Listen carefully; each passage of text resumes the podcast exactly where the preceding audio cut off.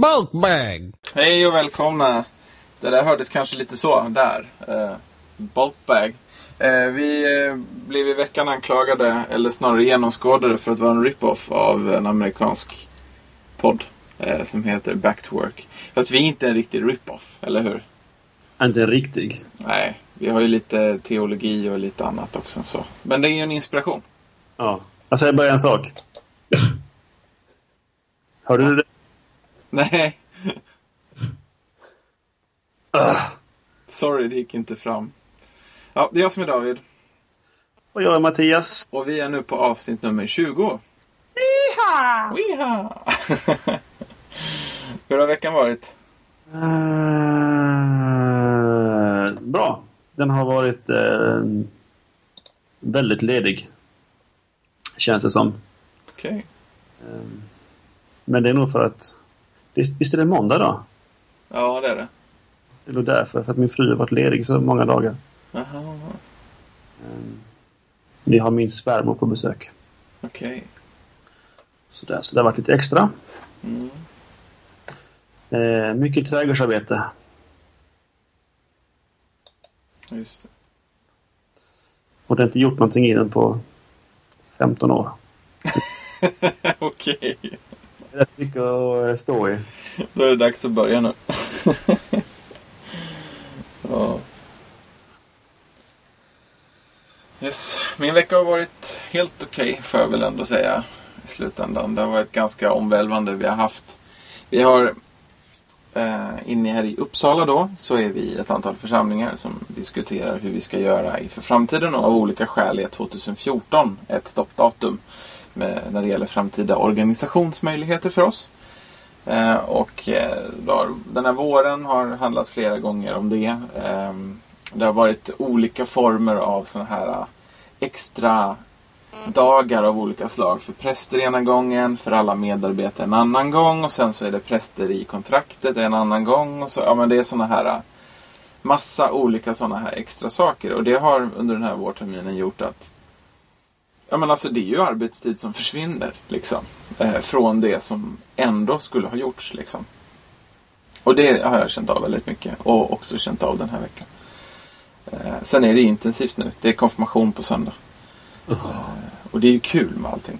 Och, och, så. Men det är intensivt liksom. Och vi, det var ju påsk precis. Så vi hade ju vårt konfaläger bara här om veckan. Och så så det, det, liksom, det går i ett just nu liksom med, med att avsluta avsluta de här större verksamheterna kan man väl säga för mig då. Mm. Och så är det ledarutbildningen veckan efter med en stor, stor dag med en hel dag med mycket undervisning och mycket övningar och mycket sånt här som är lite nytt för i år så det är mycket som ska förberedas. Så det är häcken full liksom. Eh, så. I sommar? Nu är det det. Inte i sommar? I sommar? Nej, det är, då tänkte jag vara ledig lite grann. Ja, men jag har ingen som ingen ungdomsverksamhet till exempel under sommaren. Nej, det har vi inte, inte att tala om. Förutom att, eller det beror på vad man menar i och för sig. Vi slutar ju ungdomsgruppen i en, en och en halv vecka in i juni ungefär. Eh, då i samband med studenterna och sådär. Eh, och sen så har vi, det är inte jag med på, men vi har en tripp till Gröna Lund vi brukar göra med de som vill. Eh, någon vecka in i sommarlovet. Och sen så i slutet av sommarlovet. Men sen har vi, vi har inte så mycket ungdomsspecifikt. Så, men i slutet av juli så har vi lite eh, brännboll och lite förträffar inför TC-resan. Och sen så åker vi till TC. Okej. Okay. Men vi har inte något stort ungdomsarbete under sommaren. Det har vi inte resurser till med, med tanke på hur vi jobbar resten av året. Liksom. Vi måste vara lediga då. ja, kära värld. Så ser det ut hos oss i alla fall. Ja, nej men uh, har vi någon feedback att prata om? Vi pratade om det att vi blev genomskådade. Visst ja. Ja. Med den feedback vi har fått. Yes. Lite länkar då. Um, som vanligt, gå in på teoknologi.se, kolla under avsnittet. Där hittar du alla avsnittets länkar. Eller kolla i, um, om du har en, en uh, podcastuppspelare som även tar med eh, ta med resten av blogginlägget så att säga. Så kanske du har länkarna där i. Det finns en del väldigt bra sådana. Till iPhone så kan jag rekommendera Instacast till exempel. Så Va? bra. Instacast! Ja, du försvann lite där. Men det, det är ett bra, det är ett bra program. Ehm, jag skriver till det nu så att man, man kan även ladda ner eller klicka på en länk till det. Eh, jag har egentligen inte följt det jättemycket med Anders Bering Breivik. Jag och min kära hustru så på SVT Play något program om, om det hela. Det som hände, alltså själva förloppet och så, hur det var som, kring vad som hände och polisens reaktioner och, och så i samband med det. Liksom. Alltså, vi har inte följt rättegången, vi har in, jag har inte mer än sett alla de här... Äh, ja, jag irriterar mig alltid i och för sig på, på tidnings... De här, äh, vad heter det? Aftonbladet. Löpsedlarna. Jag irriterar mig alltid på löpsedlarna. Ehm, så jag har inte följt det. Men, men det finns en bra, eh, tycker jag, på DN. En, en bra artikel som heter Därför ler Anders Bering Breivik. Eh, som handlar just om att han faktiskt inte är eh, sinnessjuk utan fascist. Alltså det handlar om en livsåskådning. Det är intressant. Läs gärna den. Eh, sen så nästa länk. Då måste jag förbereda lite grann här.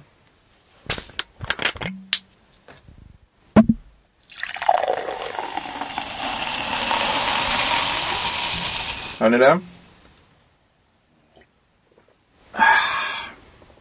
Jag har också fallit till föga. Så är det bara. Jag har gått och tänkt på det ganska länge nu. I flera månader. Och det är länge. och så spelade vi in eh, teknologi förra veckan. Och sen så var jag och handlade.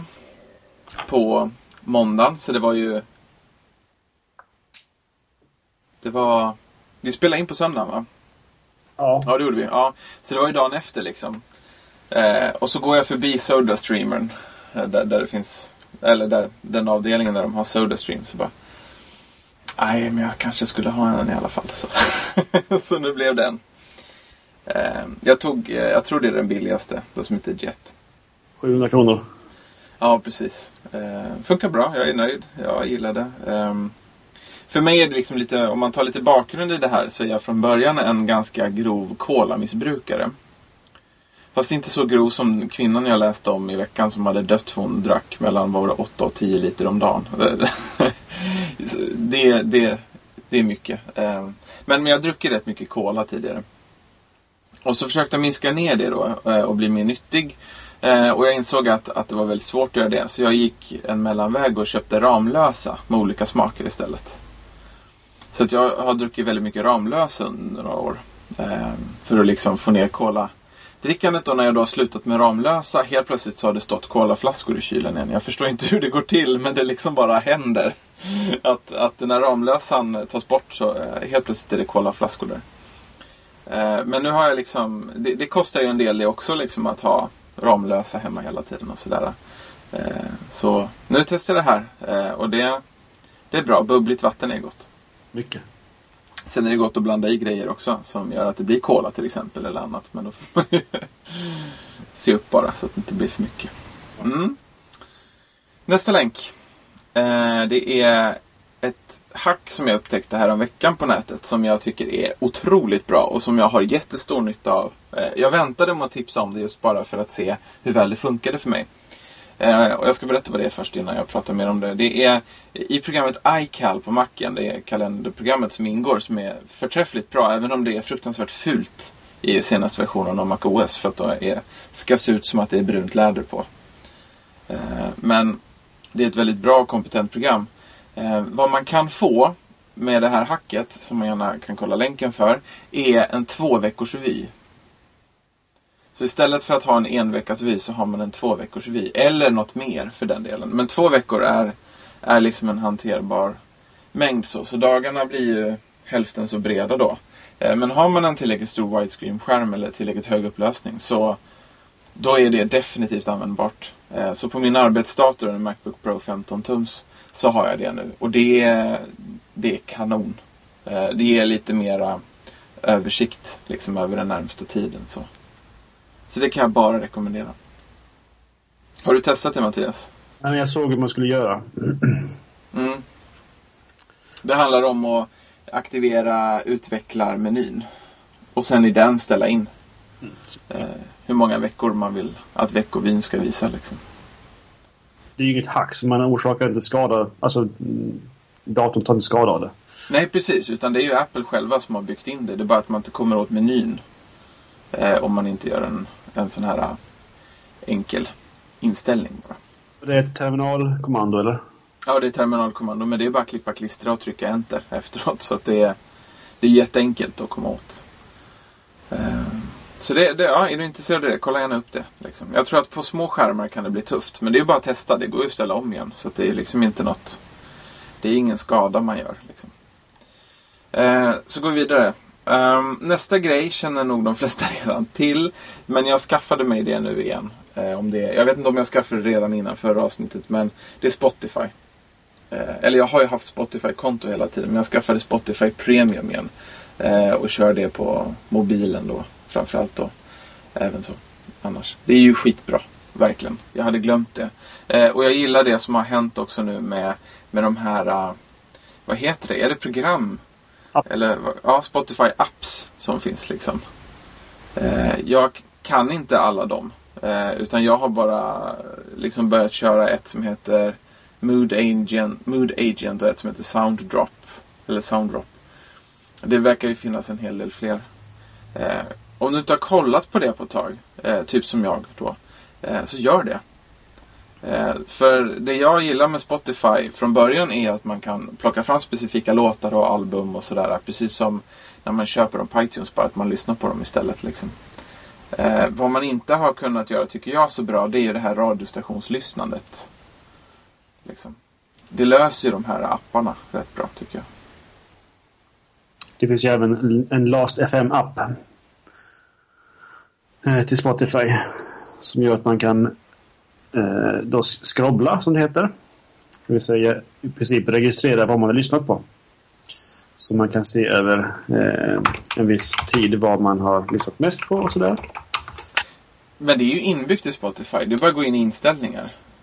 Ja. Ehm, Och scrobbla till Last FM. Och likadant att du kan visa det på Facebook och sådär också.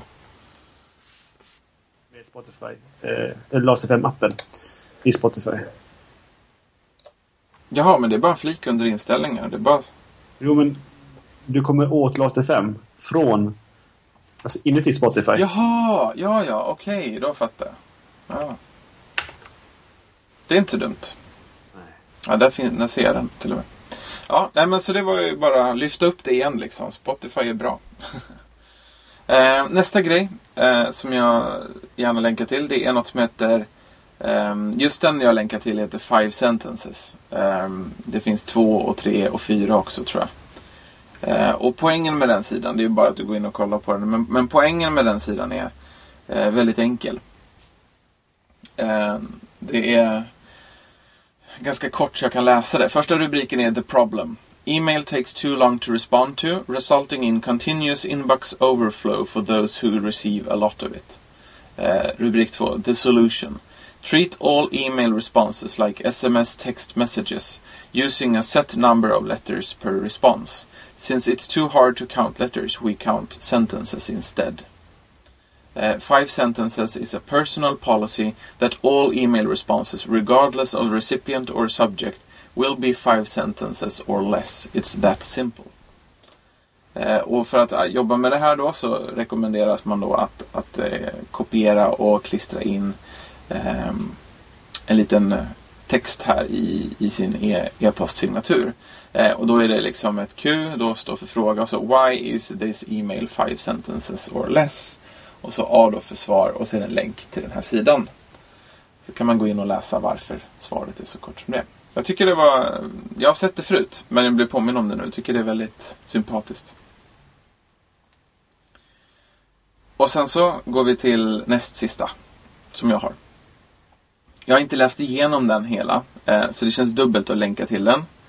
Men det är eh, företaget Valve som har gjort en hel del väldigt populära datorspel. Eh, de har en personalhandbok som har kommit ut ganska nyligen. Eh, som är väldigt intressant. Eh, som pdf. Så jag kan bara rekommendera eh, att ta en titt på den om du är nyfiken på hur, på hur man tänker på andra håll. Eh, sen så har jag, nej jag har två länkar kvar faktiskt efter det här. Eh, Jag har... Vänta, vänta, vänta. Ja.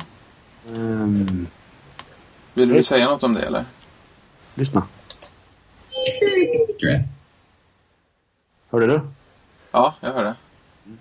Bra. Fortsätt. Okej. Då fortsätter vi.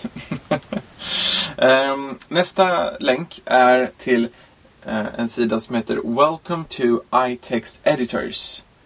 Eh, och det har just precis med det ljudklippet där. Eh, det är en man som heter Brett Terpstra eh, som eh, bland annat gör det väldigt bra programmet Marked App som jag har tipsat om tidigare. Eh, här har han en sammanställning av eh, iPhone och iPad textredigerarprogram då och vad de klarar av och inte. Om de är kopplade till eh, Dropbox eller till iCloud eller båda två. Eh, om du för över filer genom iTunes, om du kan eh, skriva i ren text, om du kan exportera i pdf, om du kan skriva ut från programmet. Ja, massa, massa sådana saker. Då. Jätteintressant. Det står priser på programmen. Ehm, och sådär. Eh, det är en väldigt lång lista så att det är faktiskt inte helt lätt att ta sig igenom den. Men det gör ju den också väldigt intressant för att den är ju Ja, det är väl så komplett man kan tänka sig. I dagsläget i alla fall. Så titta gärna på den om du gillar sånt. Eh, risken finns ju. Och sen så då sista länken från min sida nu. Eh, och det är från eh, Svenska kyrkan. Om man är intresserad av det här. Eh, och det är helt enkelt, eh, det har kommit nu ett nytt brev från biskoparna. Som handlar om de kyrkliga handlingarna i mångreligiös kontext. Och de kyrkliga handlingarna det är dop, vigsel och begravning. Eh, och det här brevet handlar då helt enkelt om, om dop, vigsel och begravning i, ja kan man säga i Sverige idag. När det inte längre bara är en religion utan många religioner som finns. Jag har inte läst den själv än. Eh, den kom precis häromdagen. Eh, och jag tänker läsa den. Där är jag klar. Okej. Då kanske jag ska börja med att förklara eh, det här. Nej. I'm Merlin Man! Det är så att eh, både jag och David vill lyssna mycket på eh, poddsändningar från eh, podcastnätverket eh, 5by5.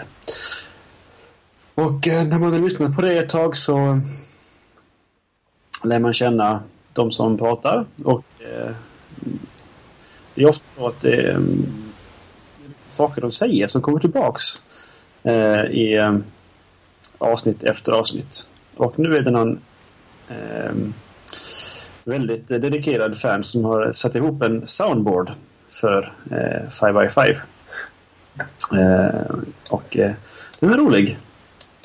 Om man eh, känner till eh, 5by5 och lyssnar på poddsändningarna.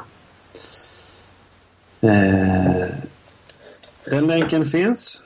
Och sen är det en länk till en artikel som heter The Big Android Chart. A Definitive History of Android Version Adoption. Alltså en, eh, en artikel med ett eh, eh vad heter det? chart? Formulär? Nej, tabell va?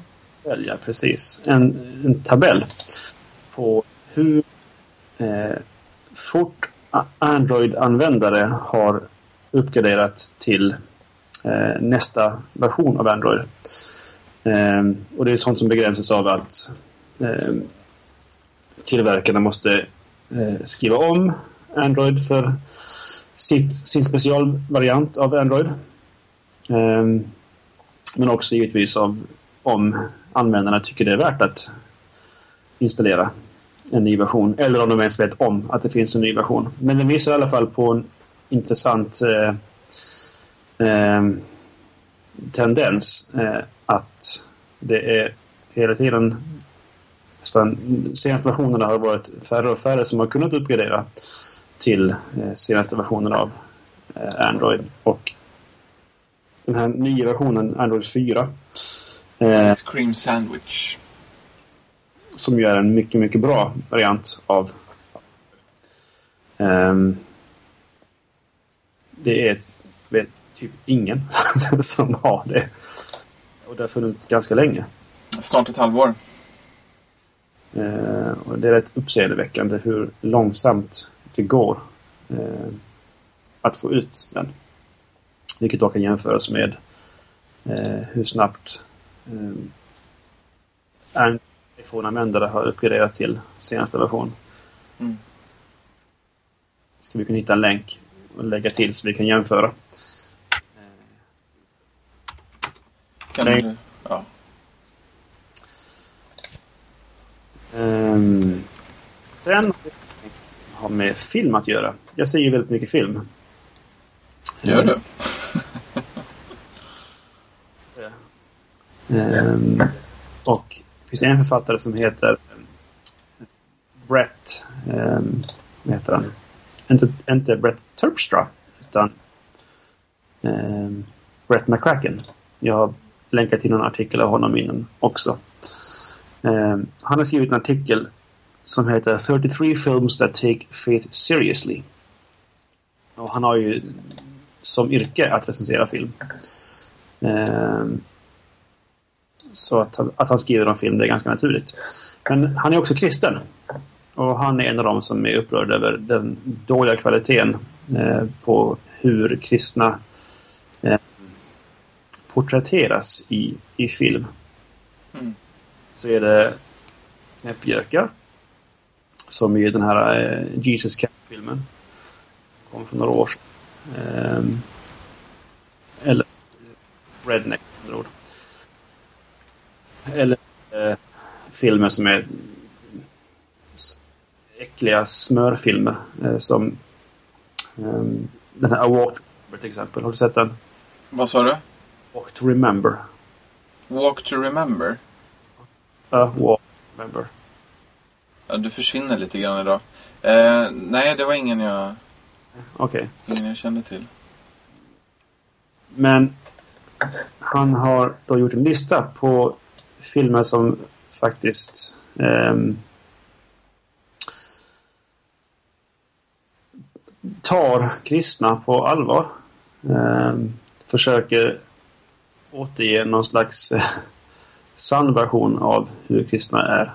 Ehm, och jag ska villigt erkänna att jag har sett ehm, väldigt få av de här filmerna för det jag känner inte igen så många titlar. Nej, det gör inte jag heller alltså. Sound of Music.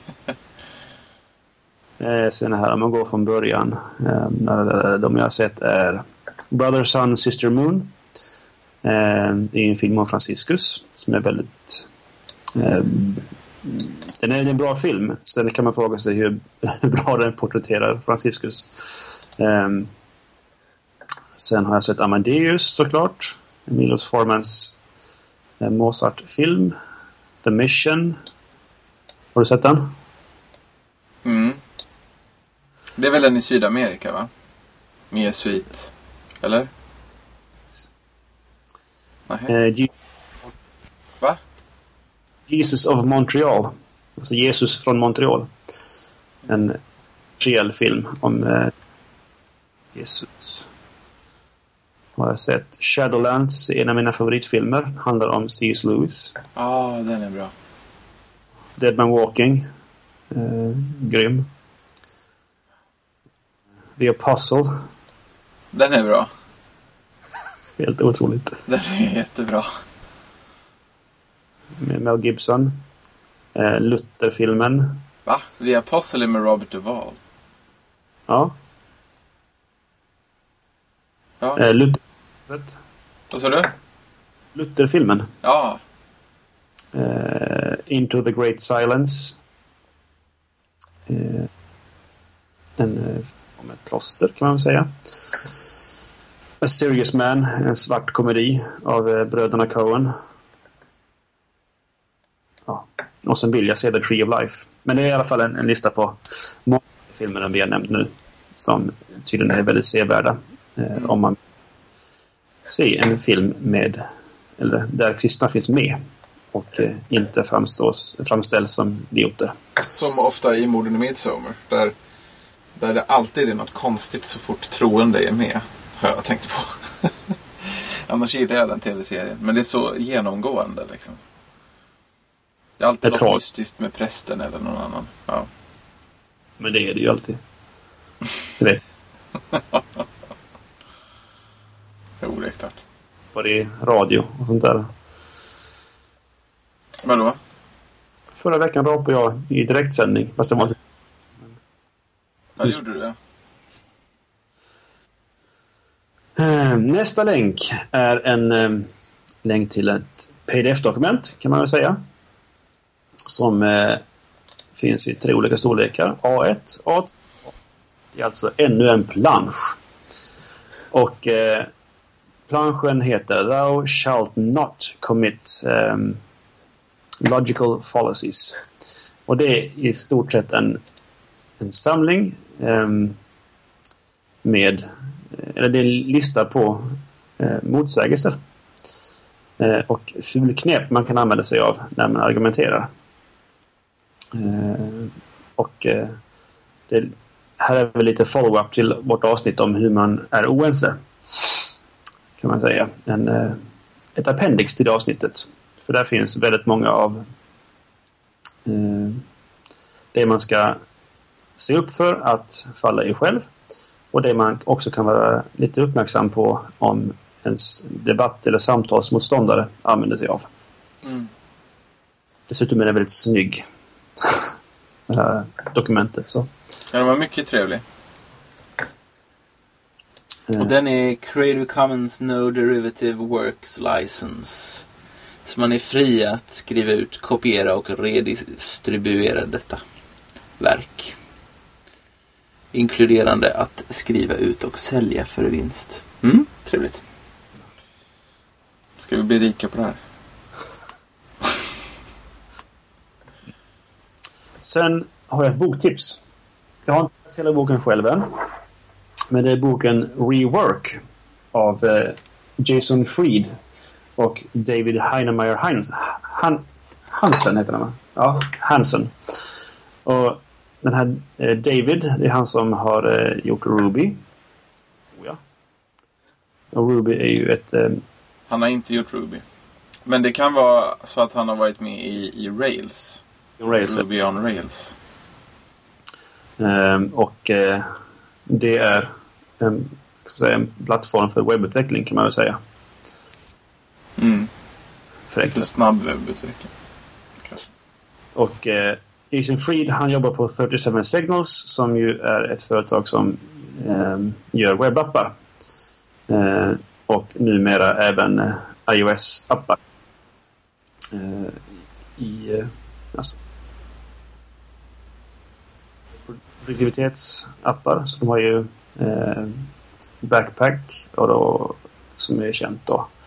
Lite andra. Eh, vi har länkat till någon av de här apparna någon gång innan tror jag.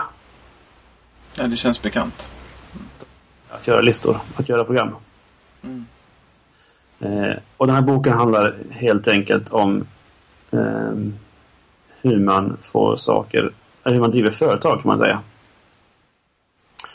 Eh, och försöker väl ställa på ända mycket av det som är vedertaget om eh, hur man driver företag. Jag har kommit kanske en tredjedel in i boken och tycker den är väldigt, väldigt bra. Så det kan jag tipsa om. Sen en sista länk är follow-up till förra veckan. Då vi pratade om min kolsyremaskin. Och jag sa att det var en AGA Aquia. Nu finns det även en länk till denna eh, tillverkare. Som Ah. mellan Sodastream och Aquia. Sen finns ju Wassermax också. Och är det så att det inte är nog med skäl att åka ut och träffa mig eh, man, för att komma till Örsundsbro så kan jag tipsa om att hos oss på ICA så kan man köpa en Wassermax kolsyremaskin för 300 kronor just nu.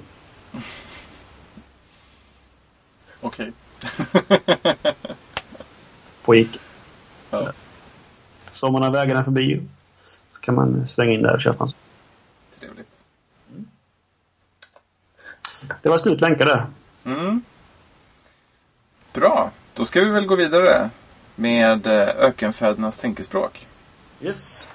Och nu är det min tur att läsa. Gör det då. Fast jag har ju boken framme.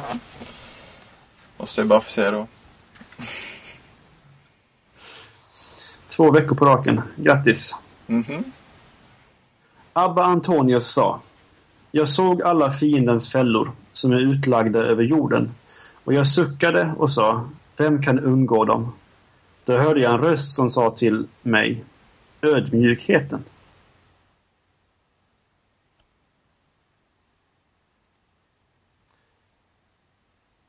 Ödmjukheten kan undgå alla fiendens fällor.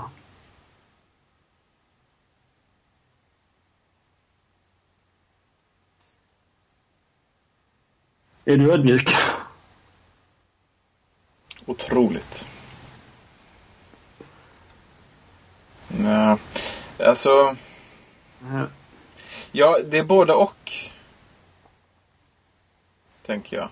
Men det är klart, det beror på vad man lägger in i ödmjukhet då. Alltså om man eh, menar ödmjukhet i dess fullhet med full, därmed också full medvetenhet om den egna personens värde till exempel. Och så. För jag Ja. tänker att, att, att annars så blir det lurigt. Med det där. För jag tänker att i hög grad så stämmer det nog. Men om man tänker sig att man är en person som, som undertrycker sina egna känslor väldigt mycket. Eh, och konsekvent gör det, gör det för andras vinning så att säga. Så är ju det inte någonting som är gott. Liksom. Nej, och det är ju inte ödmjukhet heller. Det beror på. Alltså man ödmjukar ju sig ändå. Om man, om man låter andra få sin vilja igenom hela tiden. Fast man kanske tycker något annat själv. Liksom. Det är ju en slags ödmjukhet, är det inte det? Jag vet inte. Det är kanske en slags ödmjukhet. Det är en definition av ödmjukhet, men det är väl ingen ingen bra definition på ödmjukhet. Nej, nej det håller jag med om. Det är på något sätt att ha... Det måste ju vara grundat i, i självkännedom. Mm. Ehm, och... ehm, alltså en, en, en kännedom om vad man själv klarar av. Ehm, men också en vilja att stå tillbaka för andra, även om man kanske skulle göra saker bättre. Mm. Mm. Men är det applicerbart på den här, det här tankespråket?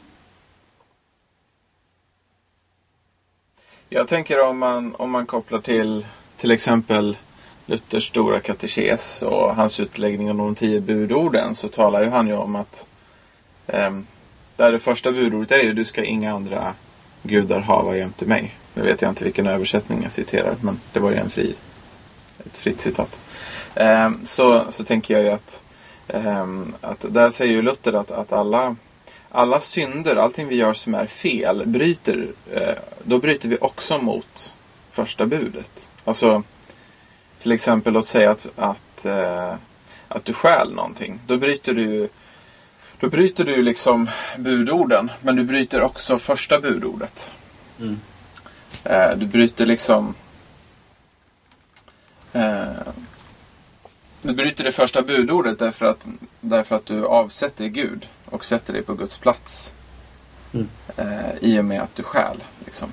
Sen att det också finns liksom ett, ett, ett bud om att du inte ska stjäla.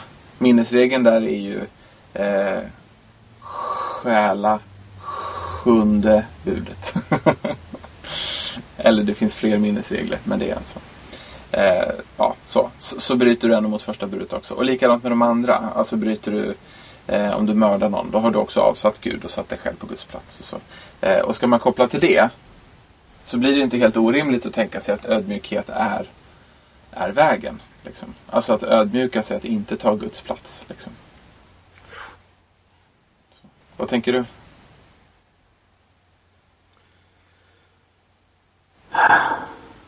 Alltså, om man tänker sig att ödmjukhet är att eh, att ha en viss självkännedom om vad man klarar av att utsätta sig för. Eh, då är ju de här fällorna eh, som Antonius pratar om. Man kan se dem som, som frestelse. Mm. Ehm, Och i det här sammanhanget då så kan man ju tänka sig att det handlar helt enkelt om att veta vad man vågar utsätta sig själv för. Mm. Ehm, Om man har ett visst problem. Det kan vara att man har eh, problem med spelmissbruk. Eh, Vågar man utsätta sig för att överhuvudtaget sitta i närheten av en dator? Mm. Ehm, Till exempel. Mm.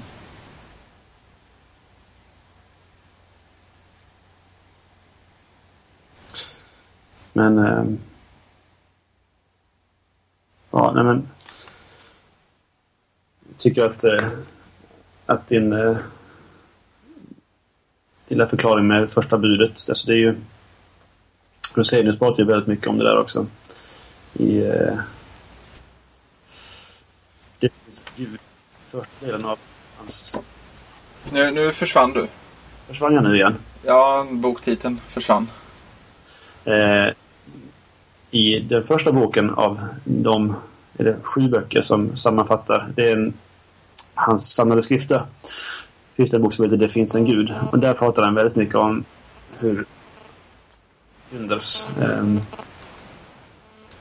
är att vi bryter mot första budet.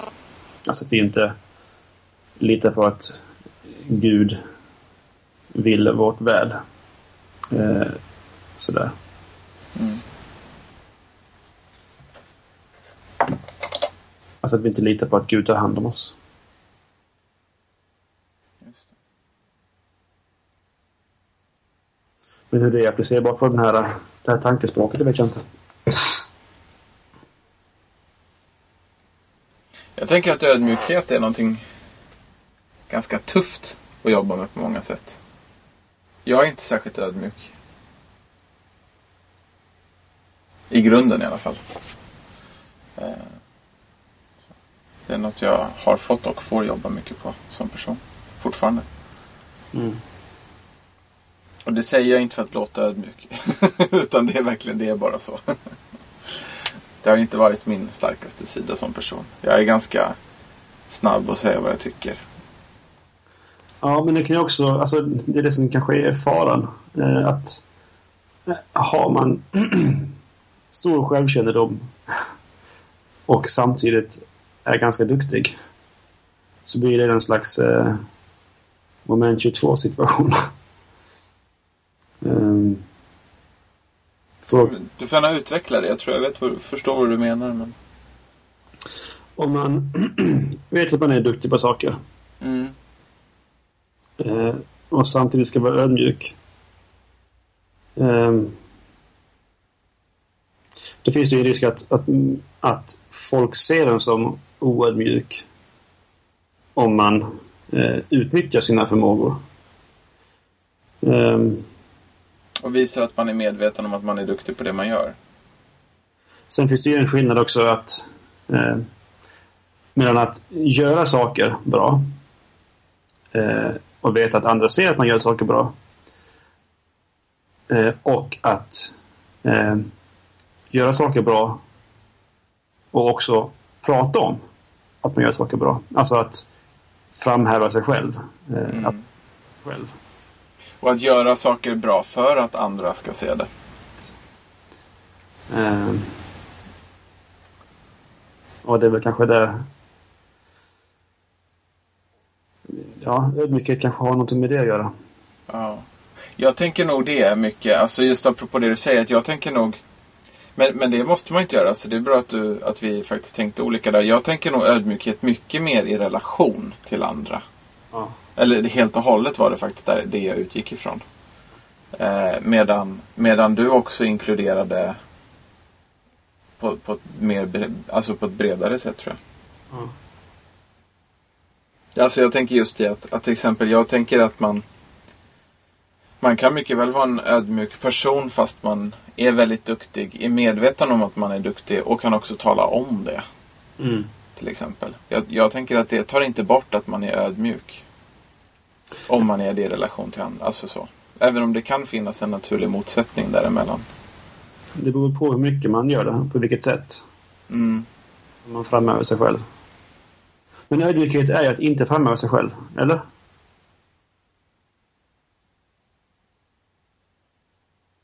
Om man ska utgå från definitionen som utgick från eh, första budet. Fast där finns också en fälla. Alltså, eh, Ja, ja, det är dubbelheten i jantelagen Sverige liksom. också i... eh, ja, Både du, har ju, du och jag har ju rört oss lite i... eh, i vad säger jag, frikyrkosammanhang eller sammanhang där det finns mycket frikyrkliga. Och där har i alla fall jag under min uppväxt ofta mött det här med att ja, men man gör saker för, för Guds skull. Liksom. Mm.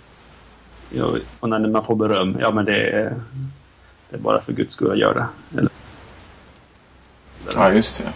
um, och det kan det mycket väl vara givetvis. Men just det här att man hela tiden ska framhäva att man gör saker för Guds skull. Det är ju faktiskt att framhäva sig själv som ett exempel på en människa som gör mycket för Gud. Mm. Och då, där finns ju dels den aspekten att eh, Gud inte behöver att vi ska göra. Gud behöver inte våra goda handlingar. Mm. Framförallt behöver inte våra goda handlingar som, som vi gör för att framhäva oss själva som goda kristna. Nej, men precis. Det blir en slags överandlig backhand. Med den typen av... Ja, men jag gör det bara för Gud, liksom. Att då säger man ändå, ni har helt rätt som lovprisar mig. för jag gör det här för Gud. På ett sätt. Ja. Jag tänker att det också är en annan variant på det, apropå Rosenius. För det var han som pekade det, på, på det för mig när jag läste den här samlingsboken. Så jag minns inte vilken bok det egentligen är i. I Guds hjärta heter väl samlingsboken? Ja. Den senaste samlingen, det har, funnits, det har kommit tre varianter. Det står den som ut i... ja, det har det säkert gjort. jag är inte EFS-are så jag är inte så insatt. Varianter. Ja, men den i alla fall. I den då så är det någon av de senare böckerna där så pekar ju Rosenius på det här också med, alltså apropå stolthet då. Det, det, ja, ödmjukhet och stolthet har ju med varandra att göra i och med att de är motsatspar. Eh, och då, då talar han om, om eh, alltså hur en del kristna, och det här var säkert vanligare förr eftersom färre är kristna idag. men, men, men hur man då eh, betonar sin uselhet Ja på ett sånt sätt så att det blir eh, ens Alltså att det blir en slags stolthet i det. Liksom. Alltså att jag är en väldigt bra kristen därför att jag betonar min uselhet och därmed mitt behov av förlåtelse. Alltså jag ger uttryck för en väldigt stor självinsikt. Ja. Eh, och eh, är därför en väldigt mogen kristen. Liksom. Ja. Till exempel. Själv en ursäkt för att inte eh, utvecklas. Just det. Man ger sig själv en ursäkt för sitt eget status quo på något sätt. Det också samtidigt. Ja. Ja. Och det, det för ju bara död. För dels, dels så, så gör man ett brott mot Gud. Man gör ett brott mot sig själv för att man inte ger sig möjligheten att, att förändras. Men man gör också så att andra människor känner sig dåliga. Mm. Antingen för att de inte uppenbarligen har samma sj- självkännedom. Men också för att eh, det är ett sätt, alltså man lockas att jämföra sig. Just det. Bra. Och det tänker jag även är eh, alltså för den, i relation till människor som, som inte har någon, någon direkt större kunskap om den kristna tron. Mm. Så blir också den typen av uttalanden så otroligt främmande. Så att man förstår det inte. Liksom. Eh, och därför så är det också något som inte direkt främjar för den som inte är troende att börja förstå vad tron är. Liksom. Jag, hade en, jag har haft en riktig sån period i, i mitt liv. Usch. Hur då menar du? Nej, men alltså det här med att betona sin egen uselhet. Sådär. Jaha. Och eh, en, eh, en studentkompis som du säkert vet vem det är utan att jag säger vad, vad han heter. Men vi umgicks väldigt mycket. eh, och du vet nog vem det är. Ja. Precis. ja, vi hade eh, en sån period. Där vi, funderade väldigt mycket på vår egen uselhet. Mm. I den insi- insikten faktiskt att, att det här var ju en ursäkt för oss att inte låta Gud förändra oss. Mm. Det är också ett sätt att bli väldigt självupptagen på. Oh ja. Eh, Det blir liksom navelskådande att, att bara tänka på sig själv hela tiden. Även om det är ur ett dåligt perspektiv liksom, så är det fortfarande att man bara tänker på sig själv. ja. Kristen emo. Ja, ja precis. ja. Och det, det, det jag har tänkt på där i, i, liksom i de sammanhang jag kommer ifrån i olika, olika slag är ju att, att sånt där finns på olika sätt förstås. Men, men just den här eh, ibland ganska subtila kommunikationen. Eh, där det ligger med jämförelser och det ligger med lager av eh, av stolthet och, och sådana här saker i kommunikationen. Eh, apropå de exempel vi tog här också med om jag gör det bara för Jesus eller eh, jag är så usel, jag behöver förlåtelse jämt eller så. Alltså det finns ju ganska många sätt att använda sig av ja, kristna uttryck och teologiska sentenser för att på olika sätt förhäva sig själv. Liksom. Ja, just. Och som kan bli ganska obehagliga och kan vara ganska svåra att se ibland också när man inte är tillräckligt van vid kulturen. Liksom. Sådär. Jag minns en, en präststudentkollega som, som var ganska noga med att, att betona hur, hur ovillig han var att läsa teologi eh, och bli präst. Jag eller? Nej, det var inte du. och så. Utan det handlar jag sa liksom om, om eh, om... jag upplevde det som att, att personen liksom använde det som ett sätt att upplyfta sig själv på. Och då kan man ju tänka, ja, vad menar man med det? Jo, men eh, det, här- alltså att det var det är ju för att många av ökenfäderna och kyrkofäderna var väldigt ofrivilliga att få sina ledarpositioner i kyrkan. Eh, liksom att bli biskopar eller så. Liksom bli inkallade från öknen och från klosterlivet. Så, eh, så var det liksom ganska tydligt tyckte jag att den personen gillade det. Ja, det var ett sätt att leverera sin egen andlighet på. Liksom. Sådär. Ja, det är hemskt. Alltså, eh, ja. Överhuvudtaget det här med att förhäva sig själv, det är... Det är hemskt när man ser det hos andra, men det är ju ännu värre när man upptäcker det hos sig själv. Mm. Ja, det är så Det finns ett slags illamående över det, känner jag. Usch! Manipulativt. Ja, Det är väl både och. Ja. Jag, tänk, jag tänker liksom att att det ingår på något vis, om man, eller jag tänker i alla fall så, att, att det ingår att om jag nu, och, och för den del andra då, då säger man, eh, om jag och andra Eh, nu tycker att det är roligt att predika till exempel och undervisa, det är roligt att göra det och man ska kunna göra det genuint, liksom, alltså att man ska kunna, och under, liksom, och då behöver man också kunna ge av sig själv. Liksom. Eh, då behöver man finnas med i det man förmedlar. Liksom. Um, Men det är ju en del av problemet, tänker jag, i det här.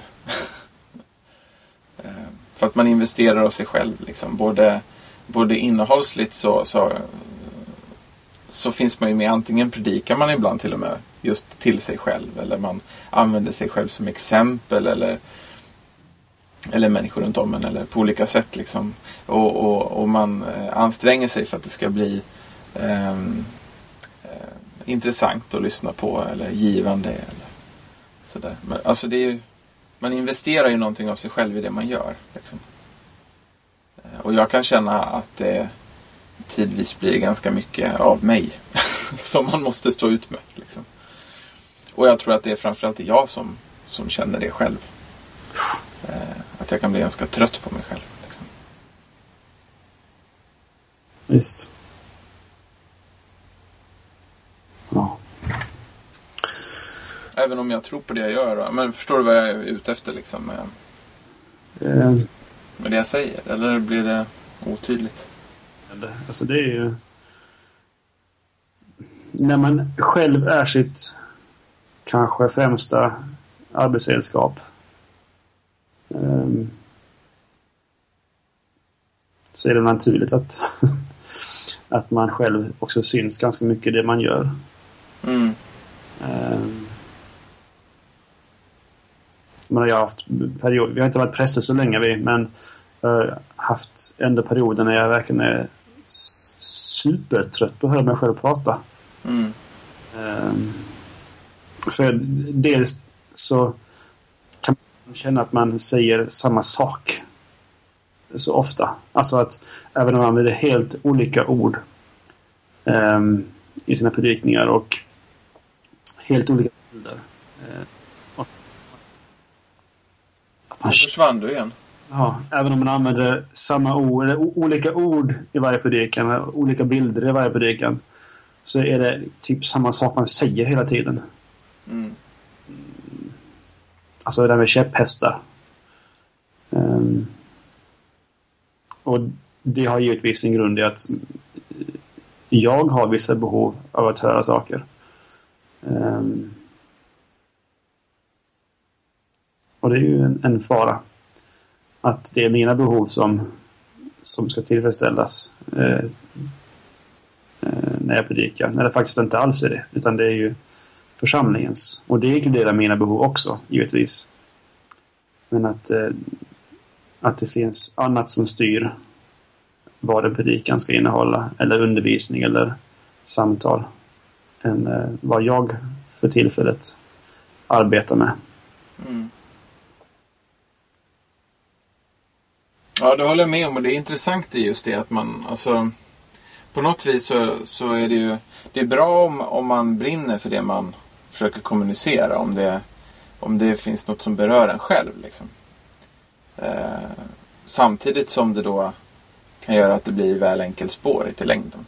Liksom. Å andra sidan så, och, och där finns ju då poängen med bredden av texter under kyrkåret till exempel. Och, teman och sådana här saker. Att det är inte alla saker man själv skulle välja. Liksom. Och det är väl en del av styrkan. Ja, det är en oerhörd styrka. Är... Ja, tack. Samtidigt som man behöver ju hitta det som knyter som att man, så att man kan förmedla någonting. Liksom. Mm. Och det är det jag tycker kan vara just där tröttheten över mig själv kommer in. Alltså att jag må, alltså att, för att det handlar, allt handlar ju, tänker jag, om att peka på Jesus. Liksom. Oavsett om vi predikar eller om vi Eh, är, har andra uppgifter i våra liv med skola eller jobb eller relationer eller så. Så handlar det om att peka på Jesus. Men, men som du sa där, att det är ju vi själva som är verktygen för det när vi predikar.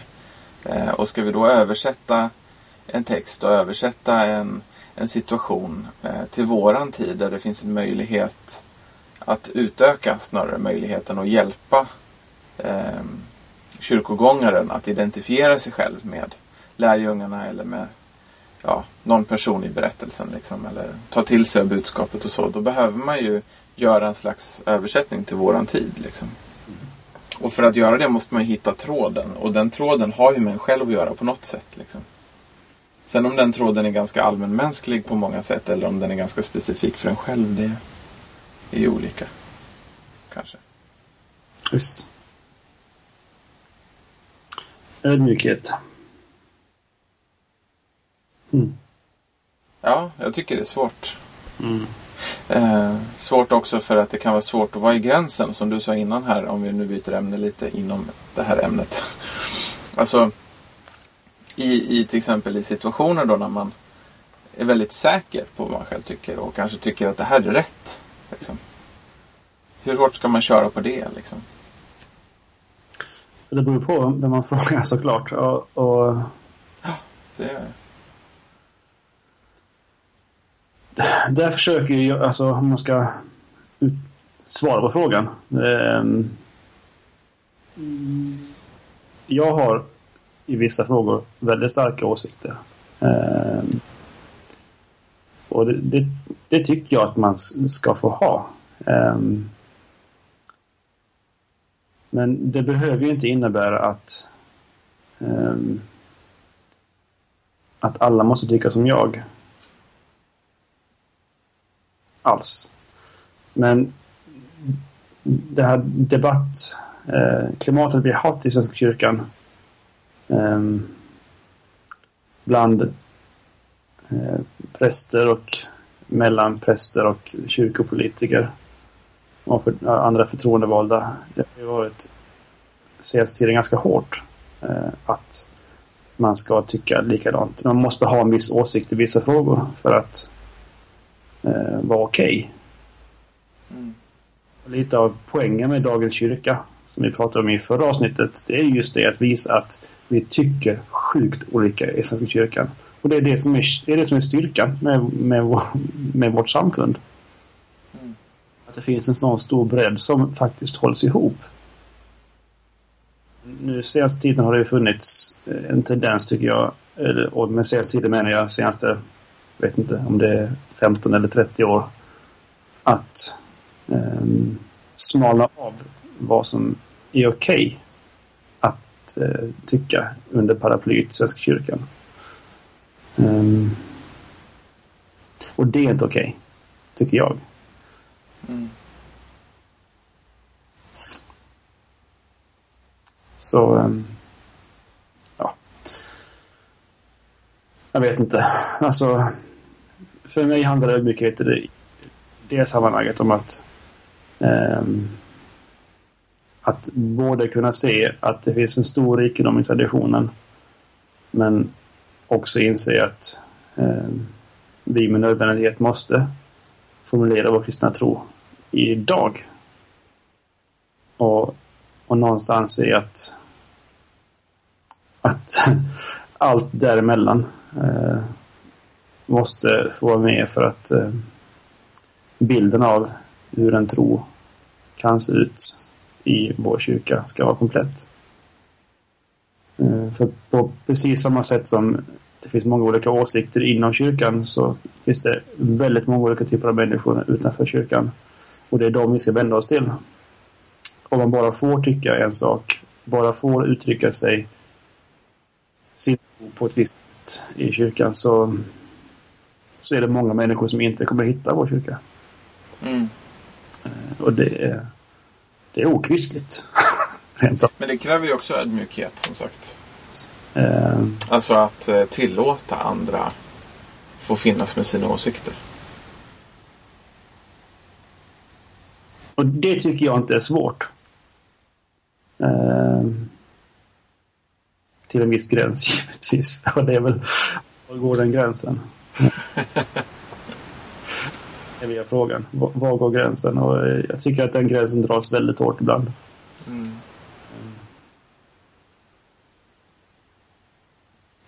Det kanske är ett ämne för en annan för ett annat avsnitt. Ja, precis.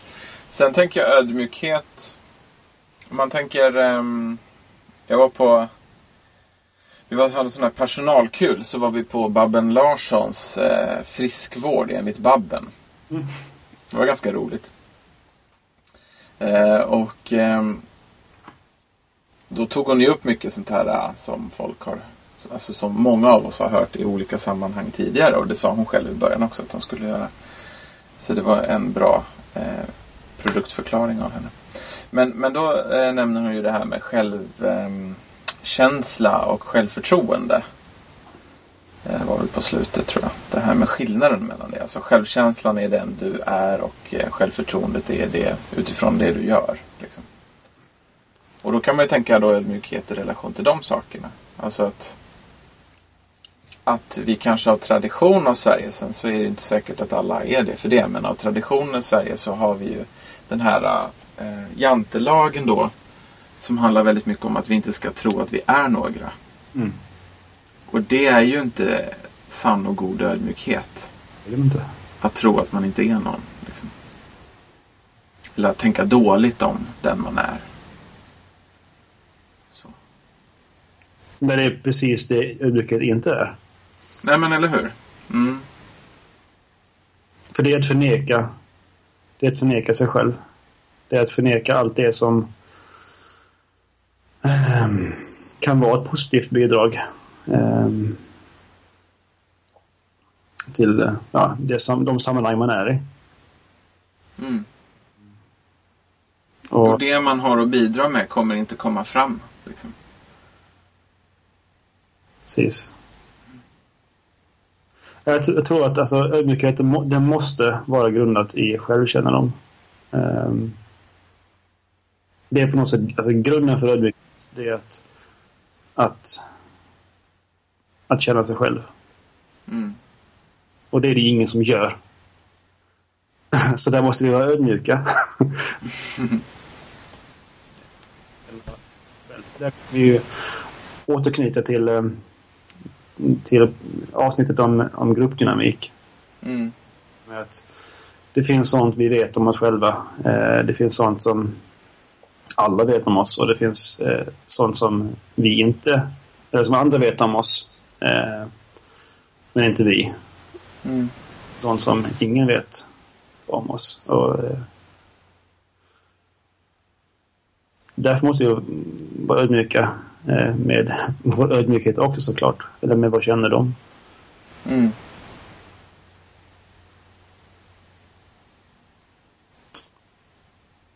Jo, precis. precis. Så ödmjukheten är ju, är ju i hög grad ett val som man behöver göra som kostar på.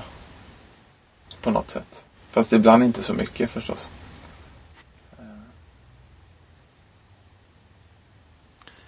Och som inte kommer ur hur ska man formulera det? En negativ självförnekelse, liksom. Ja. En realistisk självkännedom. ja. Och som bygger på att man, man har en god, egentligen tänker jag också, eller agerar utifrån en god självkänsla. Ja. Alltså, förstå, alltså att det är utifrån en förståelse av, den egna, av det egna värdet man väljer att ändå ödmjuka sig. Så att säga.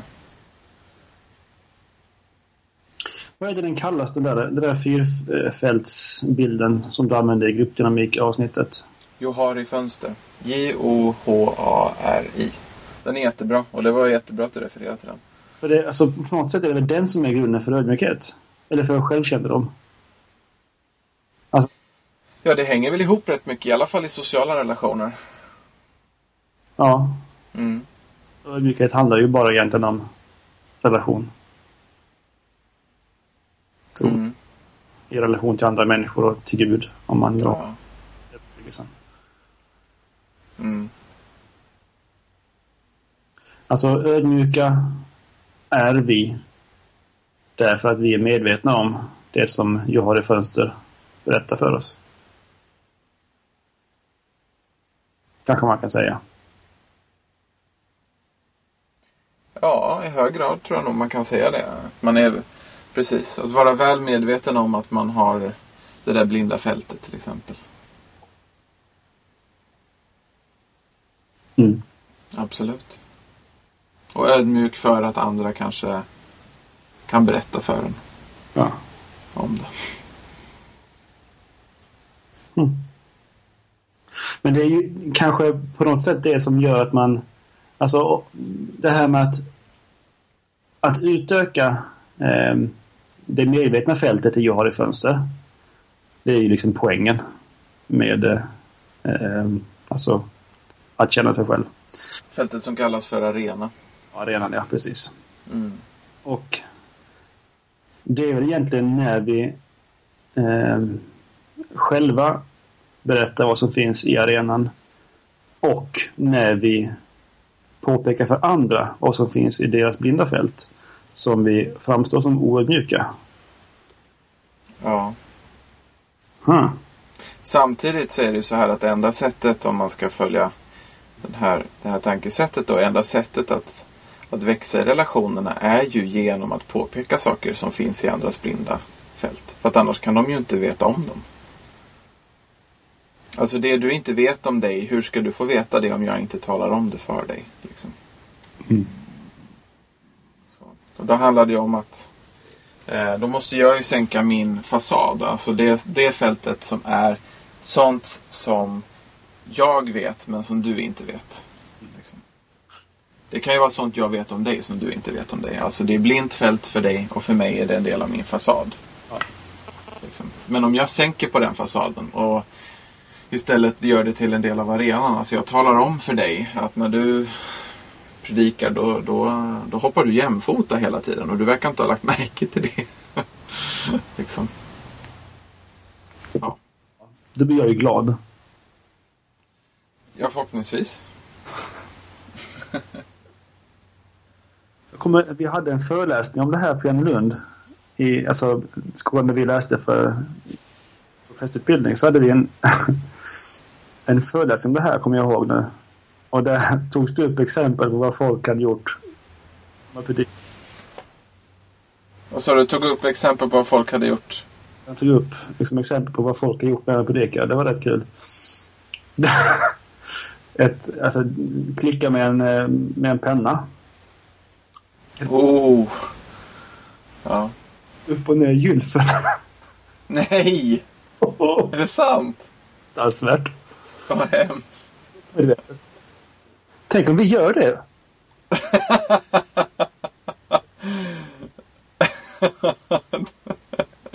Menar du just gylfen eller?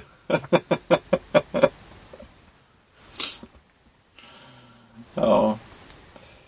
Gör det. Nej men vi har väl säkert våra knep. Eller konstigheter liksom. Jag får ju höra att jag säger mycket liksom. Ja. Sen tror jag att antalet liksom, eh, de är liksom i proportion till hur väl jag har hunnit förbereda min predikan också. Alltså ju mer jag trevar efter orden, desto fler utfyllnadsord tror jag att det blir till exempel. Som till exempel absolut. Det är ett bra exempel. Mm. Och, mm. Det är också bara ett sånt där ord man säger för att eh, få andra att fortsätta prata. Ja, jo, och visa att man håller med men vill inte avbryta. Precis. Mm. Jag sa alltså. Genom ödmjukheten undgår vi fiendens fällor. Genom självkännedom så undgår vi fiendens fällor.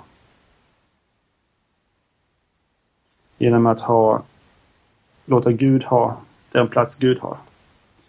Och låta oss ha den plats vi har. Så undgår vi fiendens fällor. Ja, det är nog där jag känner att det kokar ner just till första budet. Alltså. Genom att hålla på första budet. Så. Eller genom att vara medveten när vi inte gör det.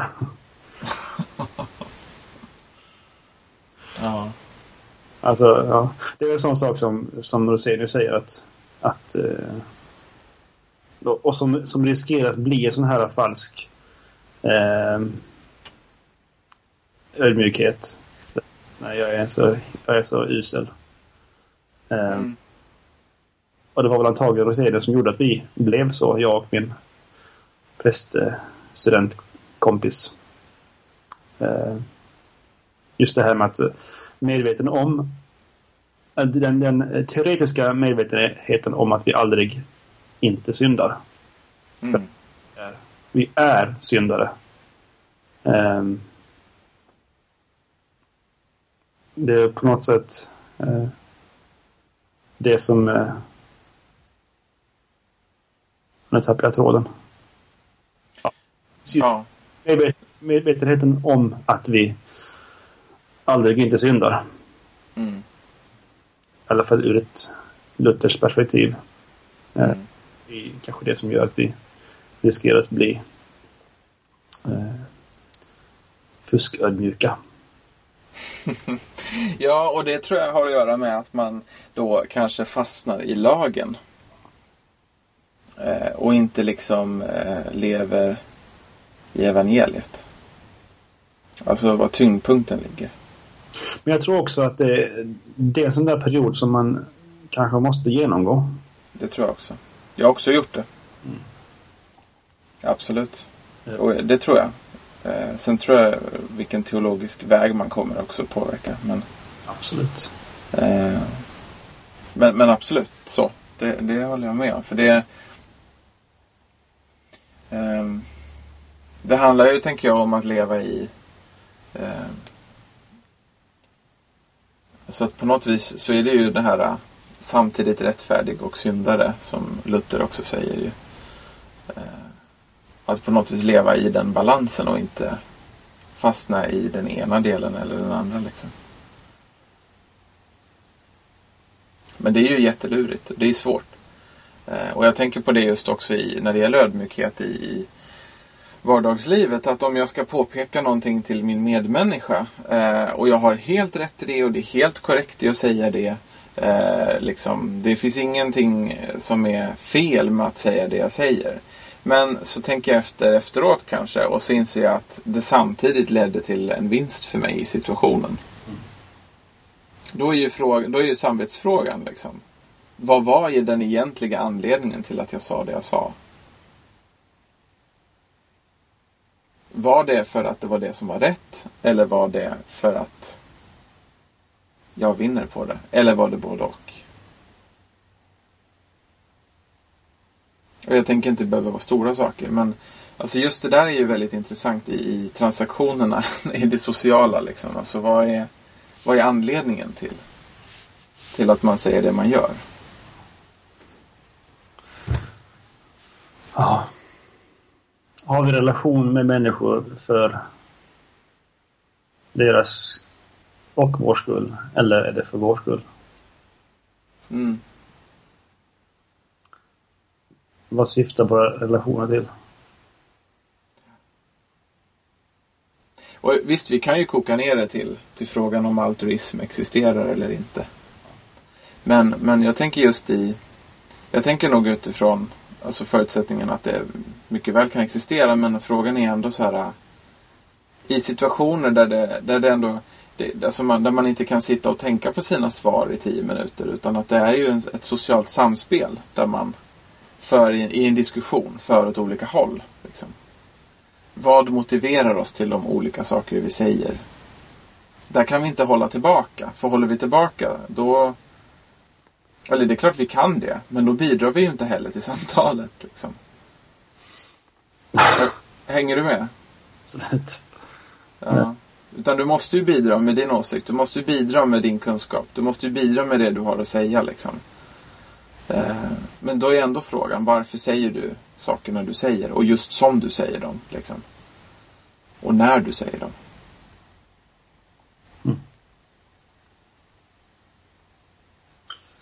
Ja, det handlar väl också om självkännedom.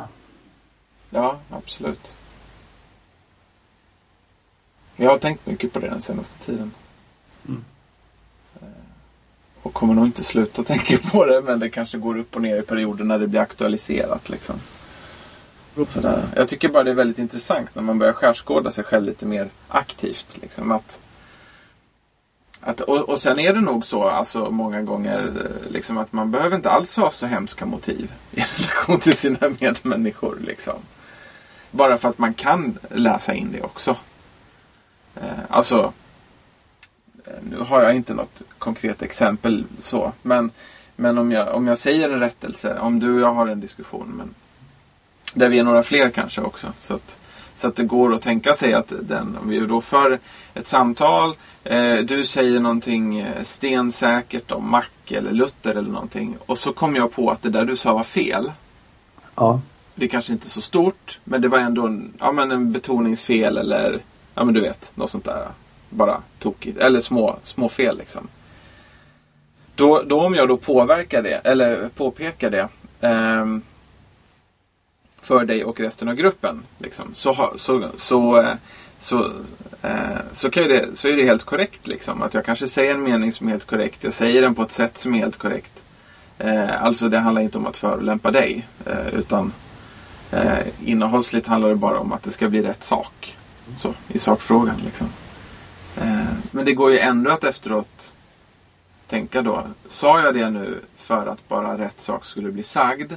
Eller sa jag det för att tjäna poäng inför de andra personerna i gruppen? Socialt. Som en kunnig, insatt person. Liksom. Det går ju ändå alltid att tänka det. Så det, ja. Expert på. Att tänka det eller? nej, nej, tvärtom. ja, vill jag ge ett kompletterande eh, perspektiv som jag är som är att rätta. Ehm, när det är fa- faktafel och sånt där. Mm. Usch. Ja, men det är viktigt att reflektera över. För jag menar, jag kan se hos mig själv båda sakerna. Alltså att, eh, att jag å ena sidan, många gånger så, så, så kanske jag korrigerar bara därför att jag vill att det ska bli rätt. För jag tänker att det kan, det kan påverka. Ibland är det ju inte så relevant. Liksom. Men det behöver ju fortfarande inte handla om att jag vill framhäva mig själv. Nej. Eh, Även om det inte alla gånger är relevant. Utan det kan ju bara vara att jag inte tänker längre. Liksom. Men att, att jag kan se hos mig själv att jag kan korrigera saker bara för att det ska bli rätt sagt. Därför att det kan påverka samtalet längre fram. Vad, vad, vad, det, vad som händer eller vad det blir av det hela och så. Men jag kan också se hos mig själv att jag vill ehm, att jag vill, vill säga någonting för att få komma in i diskussionen till exempel. Mm. Eller för att få, få visa att jag eh, också kan något om det här ämnet. Det behöver ju inte handla om att om det är du och jag och några andra att jag vill sätta åt dig. Liksom. Utan det kan ju bara handla om att jag vill visa att jag också kan saker om Mac eller Luther. liksom. Men det är ju fortfarande... Ja, då, jag tycker inte det är lika självklara motiv. Liksom. Jag tror det är en sån där dubbelhet man får leva med. Eh, Ja. Och samtidigt så är det klart viktigt i ett samtal. Alltså, och det förväntas ju också i ett samtal att man, att man kan signalera, eh, tänker jag, lite grann om sig själv. visst. Alltså jag skulle ju bli ganska... ehm, låt säga att vi har en, att du och jag då, att det vi pratar om mm, helt plötsligt utbrister i en, en mindre argumentation mellan oss. Huruvida det jag sa om Mac faktiskt stämmer eller inte. Det är ju tänkbart att du och jag skulle kunna ha olika synpunkter på något i det. Eh, och så är det någon annan där i samtalet som vet. Ja. Som är ännu mer påläst men som inte avslöjar det. Liksom. Det är inte troligt. Eh, nej, men det skulle ju kunna vara så. Det händer ju. Sånt händer ju liksom. Absolut. Och då kan man ju känna, då, skulle, då kan jag känna mig, eller jag brukar ofta känna mig ganska lurad. När en person sitter och vet, men inte säger. Liksom. Jo. Det är... Absolut så att... Eh... Alltså, jag brukar väl... Alltså, det, samtidigt så är det dels då det du säger och samtidigt så kan det också kännas eh, att man, man blir snuvad på att eh, få veta bäst. Men-. Ja. Du menar när man blir korrigerad, eller? Eh, ja. Sen är jag ganska medveten om vad jag inte kan när det gäller datorer. Och det är skönt. Mm. Och det är typ det du kan om datorer. Givetvis. Men eh, ja. Terminalen är ju okänt nästan. Fortfarande.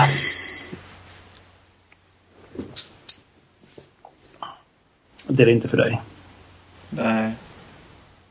Men det har att göra med dina, eh, dina, dina år som Linux-användare Mm. Och ljuset. Absolut. Nej, men så är det. Ja, nej, jag tycker bara det är intressant just med, med motivationerna i det sociala samspelet när det gäller ödmjukhet. Att det blir så komplext, tycker jag. Och det blir så svårt att dissekera min... Alltså, det är svårt att dissekera en själv ens, liksom, och veta vad man tänker.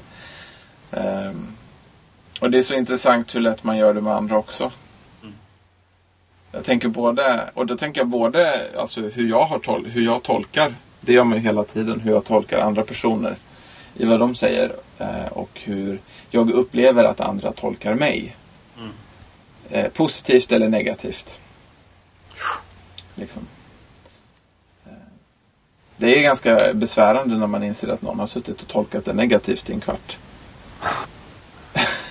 eller, eller i ett meningsutbyte liksom. Samtidigt tror jag det är... Jag tror inte det är fruktlöst att, att fundera över vilken motivation man har. Om det är för att framhäva sig själv eller för att eh, förmedla sanning. Eh, utan...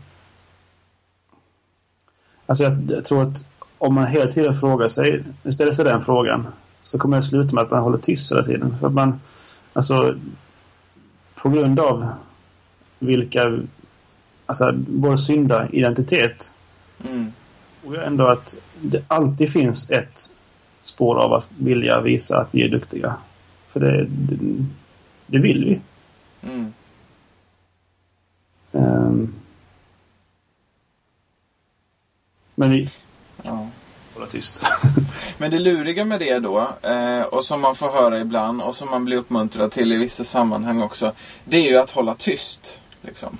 Alltså, det, ehm, jag har alltid babblat mycket. Jag har alltid pratat mycket. Jag har alltid varit väldigt pratsam. Och, eh, och då, då finns det ju vissa typer av människor, eh, bland annat, som, som ganska konsekvent genom mitt liv liksom har återkommit med, med uppmaningar om att jag inte ska prata så mycket. Liksom.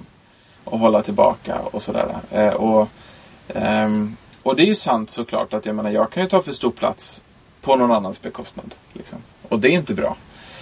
Samtidigt så så har jag ju också experimenterat med, som jag tänker att vi alla experimenterar socialt med oss själva under tonåren och för den delen senare också när vi funderar över hur vi agerar och sådär. Eh, med att då vara mer tyst och dra tillbaka och så. Och det känns ju samtidigt förljuget på många sätt, tycker jag. Alltså att, och, och där kommer vi tillbaka till det här jag har i fönster som du var inne på. Alltså att om jag ska kunna bidra i samtalet, eh, det kan ju handla om sakfrågor men det kan ju också handla om just när det gäller i relationerna till varandra, att bidra bidra till varandras utveckling. Enda sättet för dig att få veta en blind fläck är om jag talar om den för dig. Och enda sättet för mig att tala om den för dig är genom att minska på min fasad. Alltså det område som jag vet som ni andra inte vet. Eller i alla fall inte du då. Eh, för då skulle det inte vara en blind fläck för dig. Eh, och, och är jag inte villig att göra det, är jag inte villig att bjuda på mig själv Eh, då kommer det att, att bli ganska tydligt i vår relation eller i vår grupprelation beroende på vad det är för sammanhang vi pratar om. Eh, så kommer jag ju då inte vara en del av gruppen som bidrar till en bra utveckling i gruppen. Alltså, för att få ett öppet klimat i gruppen behöver man dela med varandra och då behöver man berätta sånt man själv tycker och tänker. Liksom. Sånt som andra inte visste om förut eller som är självklarheter. Liksom. Så man måste ju också bjuda på sig själv. Liksom. Man måste också sticka ut hakan. Liksom. och då kanske problemet med ödmjukhet eh, versus eh, självhävdelse, det är mer ett problem med en grupp än med oss som individer.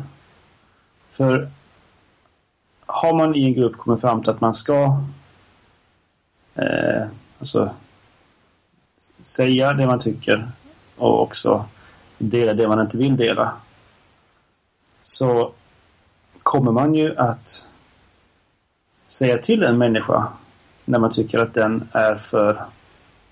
Alltså att den riskerar att vara bara själv. Alltså när det, när det verkar som att man bara säger saker för att hävda sig själv. Mm. Eh, Så, så har man en fungerande grupp ehm, till exempel på jobbet då ska man egentligen säga allt. Inte fundera över om jag säger det här för att hävda mig själv. Eller för att eh, att sanningen ska komma fram. För om man hela tiden säger saker för att hävda sig själv så kommer människor att påpeka det. Ja. Jo, har man byggt de goda relationerna så får man ju hjälp av de andra att korrigera sig. Men det kanske inte är så vanligt att man har sådana grupper. Tyvärr så är det ju ofta så att grupper inte kommer så långt. Liksom. Även om det finns element av det i alla grupper. Även omogna grupper har ju element från de mer mogna stadierna. Liksom. Men det är, det är ju svårt. Mm. Men jag tänker där är det viktigt med, med just den balansen och det är det jag kan känna Eh, alltså att det som, det som för mig tillbaka på i vissa avseenden till ruta noll då. Om man då tänker att man, alltså, där kan ju vi alla tänka mm, alla ni kära lyssnare som har blivit många fler nu den senaste tiden. Det tackar jag för. Eh, och vi som värdar för programmet kan ju fundera över vad är vår dragning där? Mm. Är det att vara, vara den som, alltså om man tänker någon slags noll då och så pratar du lite mer eller pratar du lite mindre mot medelvärdet. Liksom. Eh, och så ska man då fundera över huruvida man är sann, alltså är sann mot sin egen personlighet och alla sådana här saker. Det blir väldigt klurigt då när, när man när man då som, som jag gav uttryck för den här frustrationen att få höra att men nu ska du inte prata så mycket. Liksom. Eh, och det är ju sant, för, för jag ska också släppa fram andra såklart. Eh, å andra sidan då så är min upplevelse också att är man för tyst så bidrar man ju inte heller. Liksom. Eh, och, och, det kan ju vara ett sätt att sätta, sätta sig i säkerhet i relation till andra. Och också som leder till att man kan få ett övertag i relation till andra. Eh, vilket kan vara skadligt på andra sätt. Alltså att man, man, man, man delar inte själv. Man går inte in själv med den insatsen som de andra går in. Liksom. De andra går in i gruppen med en högre insats än vad du gör. Eh, de delar mer, mer av sig själva än vad du gör. Eh, förhoppningen hos de andra ligger i att du också ska göra det. Men om du inte gör det, då går du ur det sammanhanget med kunskap om de andra som du, på en nivå som du inte har velat dela med dig av till dem. Och det är rätt själviskt. eh, och det kan också vara ett problem när det gäller förtroende. Liksom, om man har kommit till den punkten. Liksom. Så att jag tänker att där, och det är det som kanske gör att jag känner att man hamnar tillbaka på något vis på ruta noll. Man kan inte bara ta en, en allmän, ett allmänt råd om att prata mer eller mindre. Nej. Liksom. Eh, nu talar jag utifrån någon som pratar mer, för det gör jag. Men, utan det gäller ju där om att, som du sa, att det gäller att försöka... Eh, alltså att man måste köra på. Liksom. Och så får man försöka uppfatta och lära sig liksom, vad det här köra på får för konsekvenser liksom, i relation till andra. Och det tror jag vi alla är hyfsat väl balanserade. Eller ja, i närheten av det i alla fall ändå. Som normalt funtade människor liksom, så har man ju någon slags uppfattning om. Sen är det inte säkert att man agerar på det. Där utmaningen ligger. Ja. Att faktiskt äh, agera på den självkännedom man har. Mm. Ja, allt detta utifrån Abba Antonios. Mm. Det blir ett av våra längre avsnitt idag. Mm. En och en halv timme nästan. Käre värld. det är dags att gå och lägga sig med andra ord. Ja, det är det. Det är det definitivt. Vi får tacka för idag. Och uppmuntra våra lyssnare att eh, hör av er om ni har tankar och idéer. Vad som helst. Om det är feedback på det vi har pratat om eller något vi borde prata om eller åsikter om kvaliteten i ljud eller annat. Hör av er. Mm. Vi är att teoknologi på Twitter. Vi har en teoknologisida på Facebook. Eh, det finns reagera at teoknologi.se. Och så finns förstås iTunes som du kan gå in i iTunes Store, eh, gå och leta upp vår podcast och skriva en glödande fin recension. Precis. Det skulle ju vara väldigt trevligt. Det är ett bra sätt att stödja de poddar man gillar på. Så gör det även med andra du gillar. Men gör det väldigt gärna med vår. Då säger vi godnatt. Det gör vi. Godnatt och tack och hej.